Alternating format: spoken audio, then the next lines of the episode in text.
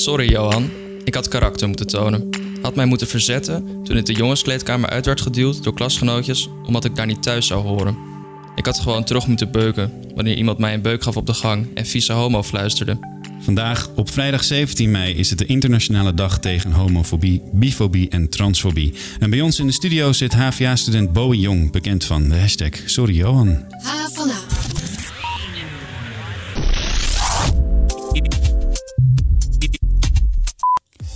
Fijn dat je luistert naar onze podcast. We praten door over het nieuws op en rond de HVA. Mijn naam is Daniel Rommens en tegenover mij zit redacteur Kiri Stuy. Hoi Kiri. Goedemiddag. En uh, straks praten we verder met Bowie. Uh, we kijken kort terug op wat er in de laatste maanden gebeurde. Nadat hij samen met Daan Verhoeven een brief stuurde aan de KNVB over het negatief gebruik van het woord homo in de voetbalwereld. En um, we praten ook over zijn ervaringen hier op de HVA. Maar eerst draai ik me even om naar de andere kant van de tafel. Want we hebben ook een gastredacteur hier in de studio, Sterre Vreeburg. Jij bent eerstejaarsstudent Creative Business. Welkom. Ja, welkom. Jij maakte je al een tijdje druk om een cijfer dat veel te laat was ingeleverd door jouw docent. En toen zat je ineens bij ons aan de redactietafel met een idee voor een stuk. Vertel even wat je, wat je hebt gedaan. Ja, klopt. Ik had uh, een hele tijd geleden dat uh, bij mij een cijfer te laat, ja, eigenlijk een week na de deadline van docenten, uh, cijfer te laat binnenkwam. En toen, ja, ik raakte er best wel gefrustreerd over. Dus ik ben gaan praten met mensen om me heen. En ik merkte wel dat die frustratie wel niet alleen bij mij lag. Maar ja. uh, dat meer mensen daar last van hadden. En jij studeert Creative Business, dus jij dacht ik ga er iets creatiefs mee doen. Namelijk, ik stap naar H van A. Ja, klopt. en uh, hoe, hoe ging dat precies? Nou, ik moest een snuffelstage lopen en toen dacht ik, nou, waarom, uh, waarom niet bij jullie? ja, ja, en toen uh, sloot je aan bij Kiri. Want uh, Kiri, jij hebt Sterren begeleid bij het maken van dit verhaal. Ja, zeker. Wat hebben jullie allemaal gedaan met z'n tweeën? Nou, heel veel eigenlijk. We zijn echt met elkaar gaan zitten en eerst gaan kijken van... joh, wat hebben we nodig? We hebben natuurlijk die ervaringen van studenten nodig. Hoe groot is dat probleem? Uh, en toen is Sterren zelf helemaal in uh, alle documenten gedoken van de HVA om de regels te bekijken. Ja. En wat zeiden die studenten Sterren tegen jou? Nou ja, dat ze eigenlijk ook wel, of wel niet eens één keer, maar wel vaker uh, hadden meegemaakt dat dan gewoon de docent gewoon te laat hun cijfer had ingeleverd. Wat kun je daar dan mee? Ja, wat wij een beetje achterkwamen is dat er eigenlijk niet echt een zwart op wit consequenties zijn voor docenten. Okay. Maar dat je als student dan wel uh, een klacht in kunt dienen. Of naar de docent zelf toe gaan van... hé, hey, dit is er gebeurd. Ja. Waarom en hoe? En als je dat dan doet, wat zijn dan reacties van, uh, van docenten? Ja, tot nu toe. Uh, we hebben een paar docenten gesproken en die zeiden ook wel dat ze wel eens uh, cijfer te laat hadden ingeleverd. Maar Ja. dat dat vaak ja, of persoonlijke omstandigheden of gewoon, ja, het is gewoon ook heel veel werkdruk voor docenten. Ja. Ik nou, heb- ik en heb- eh, oh, ja. sorry, als ik Nee, inbreken. Er was ook nog wel een, eh, een anekdote van een eh, student. En die had dus wel zijn die- docent aangesproken. Van joh, die cijfers, eh, dat, eh, die komen wel erg laat. En toen had hij gezegd, nou luister, als je een eh, klacht hebt... dan vul je die maar in aan het einde van het schooljaar bij de enquête. Nou, en dat werd, werd in jouw stuk toch wel even ontkracht. Ook door eh, eh, hoofdjuridische zaken. Die zei van, je kunt ook gewoon naar het loket Oké. klacht om dat Ja. te doen. Ja. Je hebt er ook nog een video over gemaakt voor onze website. En daar wist je inderdaad wat docenten te vinden die erover wilden praten. die er toch dan maar eerlijk over waren hoe lang zij er soms over doen. Wat is het langste dat studenten ooit uh, op een cijfer hebben moeten wachten? 6,5 jaar. Eh, nee, ik heb wel eens één student gehad waarbij ik... ehm, die moest nog iets inleveren, iets aanpassen. En dat heeft wel even geduurd. Ik denk een half jaartje. Maar dat was ook terecht, want die had zijn werk nog niet helemaal afgemaakt. Maar ik probeer wel binnen de deadline te blijven, maar het is wel heel lastig. De deadline is kort. Ja, de deadline is kort, zegt zij. Ehm, wij hopen dat er meer docenten zijn die hun kant van het verhaal willen vertellen. Want ze doen dit natuurlijk niet om studenten te pesten, tenminste, daar ga ik vanuit. Eh, heeft het niet ook een beetje te maken met werkdruk, waar we veel over horen bij docenten?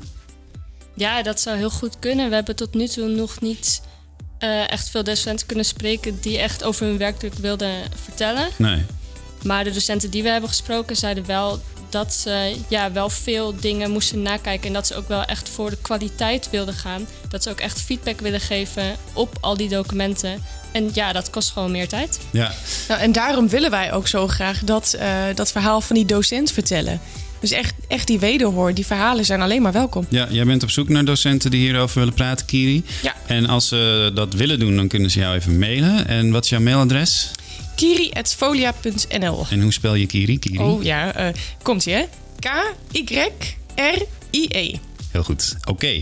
En als jij nou een student bent en je loopt ook met zo'n vraag of zo'n irritatie zoals sterren, eh, dan kunnen wij je helpen om daar een goed verhaal over te maken. Dus meld je bij ons aan en dan gaan we met jou aan de slag, zoals we ook met sterren hebben gedaan. Sterren, vond je het leuk om te doen? Ja, dat is echt wel leuk. Heel goed. Dus eh, jij gaat tegen al je studenten zeggen, al je medestudenten zeggen dat ze moeten mailen naar hvna.hva.nl, denk zeker, ik. zeker.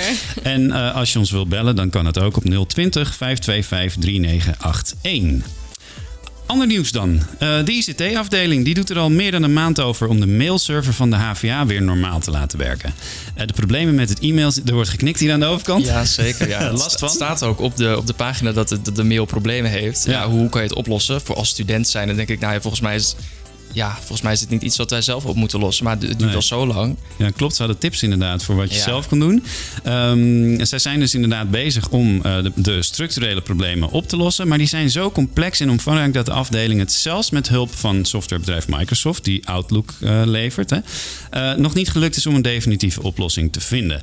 Nou, de Centrale Medezeggenschapsraad van de HVA, die raad die praat mee met het bestuur over besluiten die genomen moeten worden, maar kunnen ook dit soort problemen aankaarten. Die hebben de vraag over gesteld aan het bestuur van de hogeschool, want zij vinden dat de communicatie rond de vele storingen beter kan. En zij stellen voor om bijvoorbeeld een externe website te openen waar HVA'ers terecht kunnen om informatie over storingen in te winnen. En die is dan niet down op het moment dat het systeem down is. Het moet dus zeg maar een extern ding. Ehm, nou, de, ICT-afdeling geeft aan dat ze daar al mee bezig zijn. eh, want eh, ze zeggen dat ze heel snel de communicatie willen verbeteren. Dat zegt een woordvoerder van de afdeling in ieder geval. En wat is dan snel in dit geval? Dat weet ik niet. HVA snel?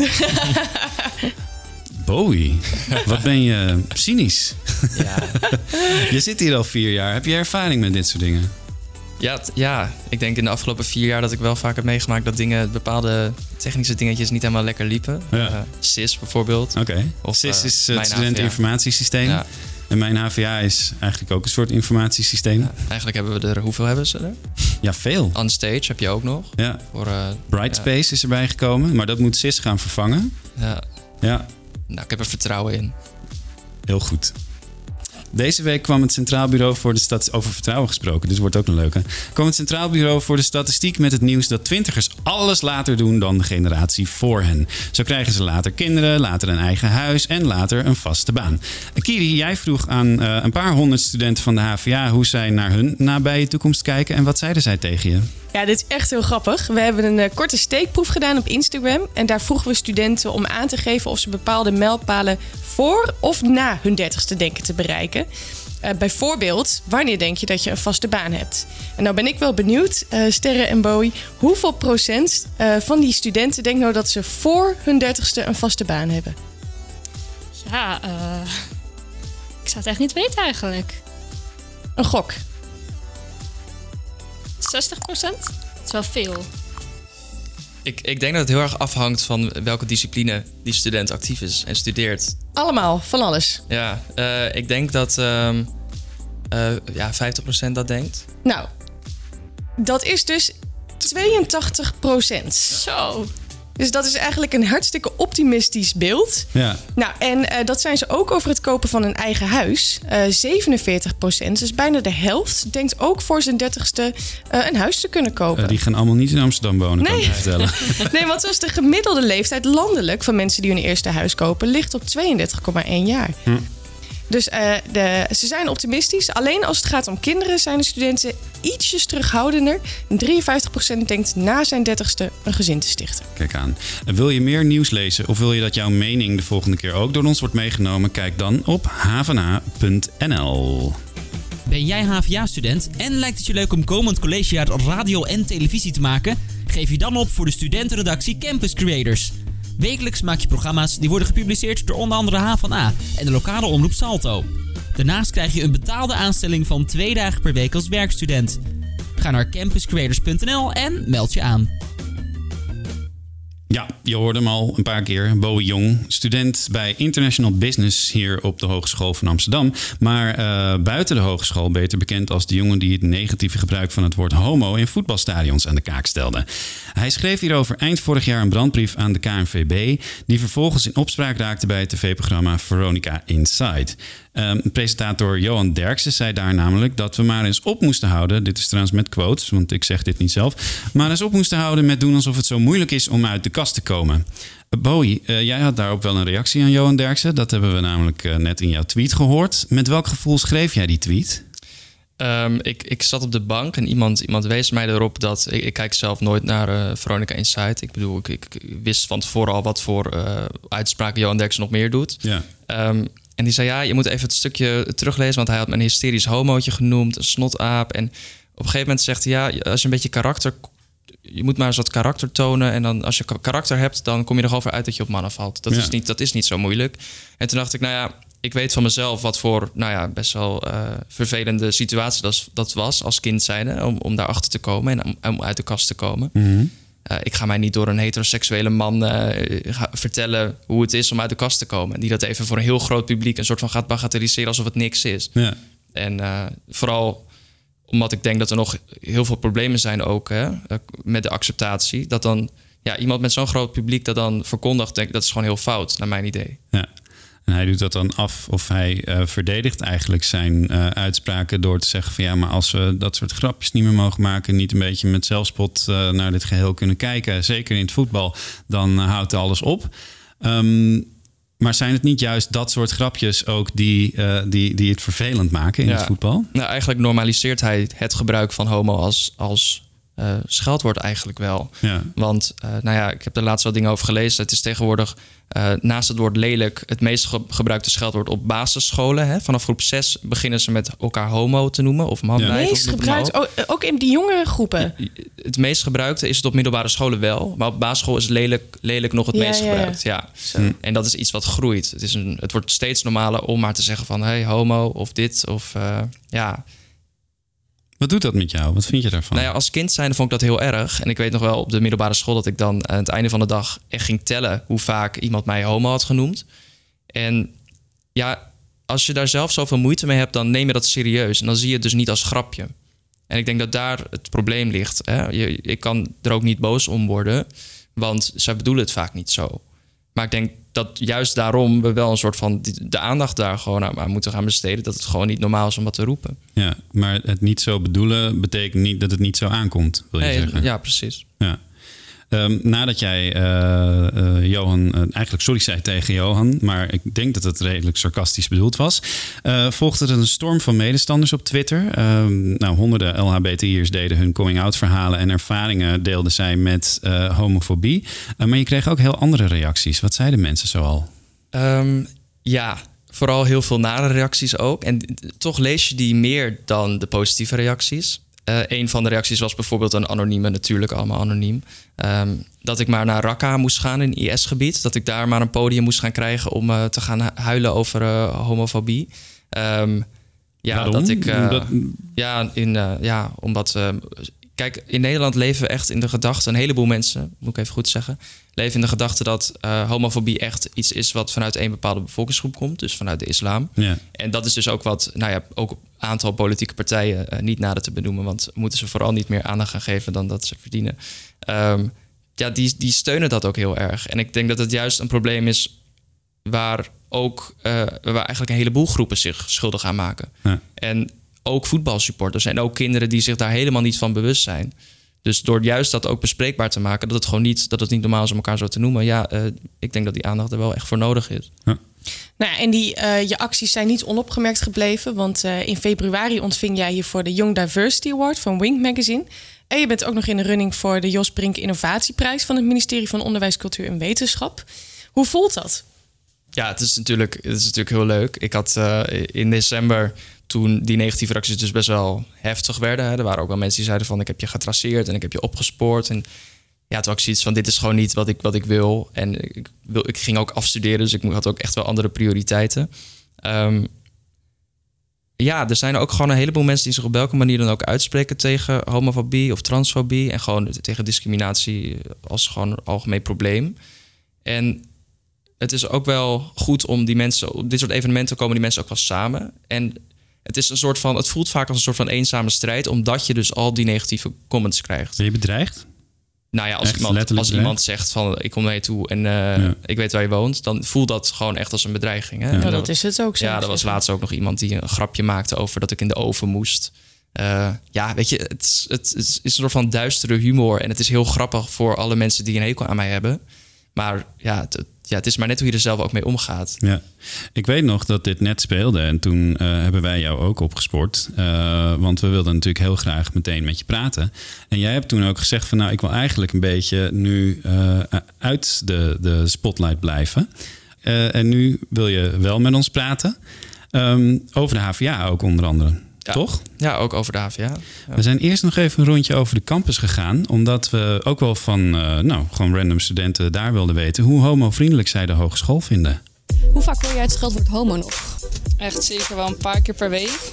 En misschien wel een paar keer per dag ook. It happens even if you are not, but you're just uh, dressing in an unusual way, I guess. Gewoon als vrienden, als grapje, ja. Maar dat is niet tegen de homo's. Het is meer dat dat al zo lang gezegd wordt. Op de middelbare school kom ik het best wel vaak tegen.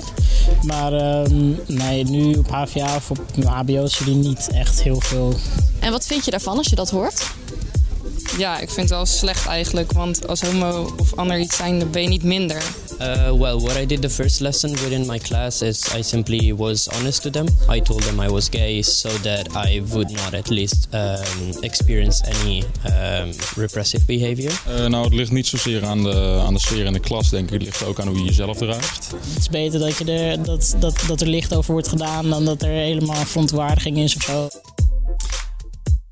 Het ligt niet zozeer aan de sfeer in de klas, maar hoe je jezelf draagt, zegt één iemand Ja, op dus jouw het is toch eigenlijk, ja, een soort van je moet zelf, maar je bent zelf homo, dus je moet er maar mee omgaan dat je dat, je dat soort dingen hoort. Dus Ja. ja, ik heb heel vaak het gehoord van, eh, ook van andere eh, homo's, dat ze zeiden, ja, eh, je moet wat weerbaarder zijn. Je moet gewoon weerbaar worden voor dat soort opmerkingen.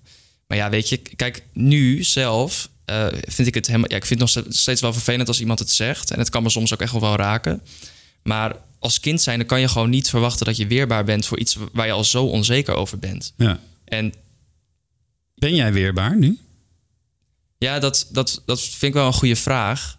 Eh, ik denk in een heleboel discussies wel, maar eh, op bepaalde plekken en als in bepaalde, gewoon, op bepaalde situaties ehm, niet, denk ik. Ik bedoel, ik ben er wel waakzaam voor geworden als iemand iets zegt. Ik, ik wil er wel vaak. ehm, ja, ik weet, ik heb de behoefte om er wel iets van te zeggen. Dat het niet oké is. En ik wil ook graag uitleggen waarom het niet oké is. En, Ja. Maar ja, dat is niet in elke situatie natuurlijk handig om te doen. Nee. Waarom niet? Nou ja, omdat je niet... Je wilt niet het conflict... eh, je wilt het niet ja, uitvergroten ook. En eh, dat is ook een beetje, denk ik, het probleem... dat een heleboel mensen niet openstaan voor de discussie... waarom iets niet kan. En eh, ja, iemand in dat stukje zei ook... ja, we moeten er wat lichtzinniger over doen... en niet veel waarde aan hechten. Mhm. dacht ik van, ja, weet je, jij zit vanuit een zetel... Waar, ja, misschien heeft hij het zelf nooit meegemaakt... Ehm, maar ik weet donders goed als kind hoe dat is om mee te maken. En dan denk ik, ja, weet je, als je de cijfers van zelfmoord onder jongeren eh, ernaast houdt, dan zie je gewoon dat LHBT-jongeren veel vaker een poging doen. Of veel vaak dat het ook vaker lukt. Ja. Dat zijn toch alarmerende cijfers. Dus ja, dat iemand dan, dat is een soort van hetzelfde als Johan Derksen, die dus eigenlijk helemaal geen ervaring heeft met het zijn, het vallen op hetzelfde geslacht, maar dan wel gaat zeggen hoe, hoe je je dan in die situatie zou moeten gedragen. Dat, dat ja, vind ik zo krom. Ja, praten voor iemand anders Ja. is dat. Ehm, je bent bijna afgestudeerd nu. Je, je studeert aan de Vrijlemaborg in eh, Amsterdam Zuidoost. Hoe homovriendelijk heb jij jouw faculteit zelf ervaren? Ja, dat is natuurlijk een heel, heel goede vraag. Ehm, ik was nog niet uit de kast toen ik begon met studeren aan de, aan de HVA. En ik was op de middelbare school was ik echt blij dat ik daar wegging. Ik wilde gewoon naar Amsterdam. Ik dacht gewoon o- open-minded, daar kan het. En ik kan ik in ieder geval, ik wist het van mezelf ook nog niet 100%, maar dan kon ik in ieder geval, nou, die zoektocht gaan beginnen op een of andere manier. En dan kom je buiten de ring. ja. ja, het was natuurlijk geen Amsterdam centrum. Maar da- da- daar komt het verhaal nog later. Ik studeerde de eerste twee jaar echt alleen maar op de Vrijlemaborg. En ik vond het toch wel... Ja, ik weet niet, ik had het wat open-mindeder gedacht misschien. En we hebben er ook eigenlijk nooit over gehad. En het woord homo, dat kwam nou ja, ook gewoon heel vaak nog wel voorbij als scheldwoord. Eh, en dan was dat ene moment dat een jongen in de klas erachter was gekomen... dat ik op jongens viel. En dat toen door de hele klas liep van... eh, ja, wat voor jongens val je dan? En eh, Mhm. dat de docent ook gewoon echt niks deed. Ik ben heel benieuwd, zo'n voorval. Hè? want ehm, als je helemaal neutraal hier naar kijkt, dan zou het ook iemand kunnen zijn die echt interesse heeft. Maar ehm, ik kan me heel goed voorstellen dat als je in de klas zit en met allemaal mensen om je heen, dat dat heel erg vervelend voelt. Maar kun je omschrijven wat precies dat vervelend maakt voor jou? Het voelt als een soort van bedreigend als iemand dat dan zegt. En het is toch een zwakte. Zo voelde dat toen. Wat? Dat je op jongens valt? Nou, dat voelde voor mij toen echt als een zwakte van mezelf. Iets wat ik liever voor mezelf, eh, dat wat mensen kunnen ermee pakken. Nou, dat Ja. heb ik ervaren op de middelbare school. Dus dat, Ja. Van, ja, dat wil ik gewoon niet nog een keer meemaken. Dus ik had gewoon liever zoiets van, ik vertel het tegen de mensen die, die ik het wil vertellen. En het hoeft niet, weet je, het hoeft niet eh, open en bloot te liggen. Dat ik, het is ook niet, het is ook niet relevant, denk ik, voor een heleboel klasgenoten. Ik heb ook tegen mijn klasgenoten niet heel uitgebreid geroepen. Ik ben hetero, jongens. Nee. Ja, Nee. precies. Maar in ieder geval, om even door te gaan op het verhaal. Toen ging ik, eh, in mijn minor ging ik ehm, eh, naar de Amstel campus. Ik deed de minors eh, Diversity in Urban Areas. Dat was een Mhm. heel, hele, hele leuke minor trouwens. En dan ging het juist alleen maar over praten, over verschillen... en over hoe we daar dan met, met elkaar om moeten gaan... en Ja. hoe de ideale wereld er dan uitziet. En nou, ik denk dat door die gesprekken... dat ik ook wel dacht, van, het kan ook wel anders. We kunnen het ook gewoon... Als je dit soort gesprekken gewoon ook een keer zou voeren op een faculteit die wat minder gericht is op de sociale kant van eh, sociale studies, dan, ja, dan kom je daar misschien ook wat verder in. Waarom is dat op de Fruilemaborg minder, denk je? Nou ja, omdat de studies die daar zitten, dat is eh, accountancy, bedrijfseconomie, eh, internationale eh, business, noem het maar op. Het, we, hebben, we hebben het wel over, nou, bijvoorbeeld over duurzaamheid en over de klimaatverandering, dat soort onderwerpen. Maar, en over, natuurlijk over cultuurverschillen, daar praten we ook heel veel over. Maar over ja, de onderlinge verschillen, dus wat, wat dieper dan alleen maar dat, dat, waar kom je vandaan en noem maar op. eh, daar, daar wordt eigenlijk niet echt heel veel aandacht aan besteed. Ga door, Kiri. Ik zoek even iets op in de ja, tussentijd. nee, tuurlijk. Ja, want ehm, ik, ben, ik wil ook wel even terug naar eh, eh, dat voorval in de klas, dat die jongen dat zei. Ehm, wat deed jouw docent toen? ja, die, die deed eigenlijk helemaal niks. Nee, en dat was wel, ik vond het wel frappant, omdat ehm, ik wel het idee had dat, dat zij wist wat er aan de hand was. En ze sprak ook wel Nederlands. Ehm, maar ja, ik weet niet. En ik, ik vind dat ook best wel lastig, want ik denk dat juist als docent moet je het op zo'n moment op gaan nemen voor de leerling, waarvoor je ziet dat er iets gebeurt in de klas. En een docent is toch iemand met wat meer autoriteit, vaak, die wel even de klas erop kan wijzen van dit kan en dit kan niet. En als je dan niks zegt, dan keur je eigenlijk het gedrag wat, wat een leerling dan toont goed. En dat heeft gelukkig in mijn situatie niet uitgemond in dat het erger werd of dat er nog, nog een keer iets is gebeurd. Ehm, maar ik denk wel dat het, de docent had echt wel op een andere manier kunnen reageren en dat was echt wel beter geweest. En ik denk dat mijn geval echt niet een uniek geval is, snap je? Ik bedoel, dat ik, het, ik denk dat er wel andere dingen zijn gebeurd. En ja, misschien op, op HBO een stuk minder dan op de middelbare school hoor. Dus daar is het probleem veel groter. Maar eh, ja, we moeten niet denken dat we op HBO allemaal zo volwassen en geaccepteerd en zo. eh, Neem je die docent dan ook kwalijk? n- nee, dat ook weer niet. Nee.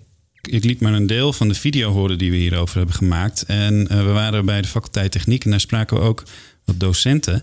En een van hen zei bijvoorbeeld dit. In mijn seksualiteit en durf ik daar gewoon open over te praten. Het is nog iemand anders. Ja, die soort gesprekken komen niet vaak voor. Wat wel kan gebeuren is dat je kunt zien dat bijvoorbeeld een student heeft een gedrag dat jij dat je denkt dat hij homoseksueel is.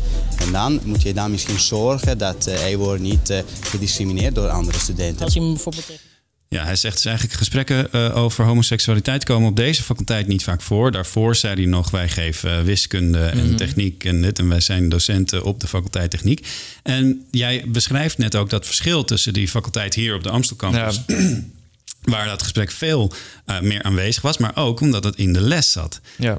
En wat ik me nou afvraag is, ehm, is het nou oké dat het eigenlijk daar zoveel meer besproken wordt dan op faculteiten waar je eh, waar, waar ehm, nou, net zo goed eh, homo's kunnen studeren als op een faculteit waar die gesprekken veel eh, gevoerd worden.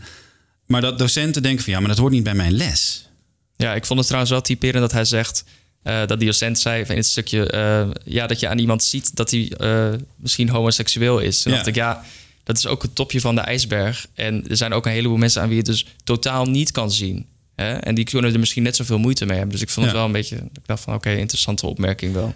En dan is de vraag aan die docent: hoe maak je dat nou bespreekbaar? Of misschien is het wel, stel ik die vraag misschien namens de docent aan jou. Want jij geeft eigenlijk aan, het gesprek moet overal kunnen plaatsvinden, toch? Ja, zeker weten. Ik denk ook niet dat dat altijd door een desbetreffende docent moet gebeuren. Maar ik denk dat er echt wel genoeg mensen zijn, ook binnen de HVA, die dat gesprek op een heel, uh, nou ja, op een natuurlijke manier zo'n les kunnen geven aan leerlingen van welke faculteit dan ook.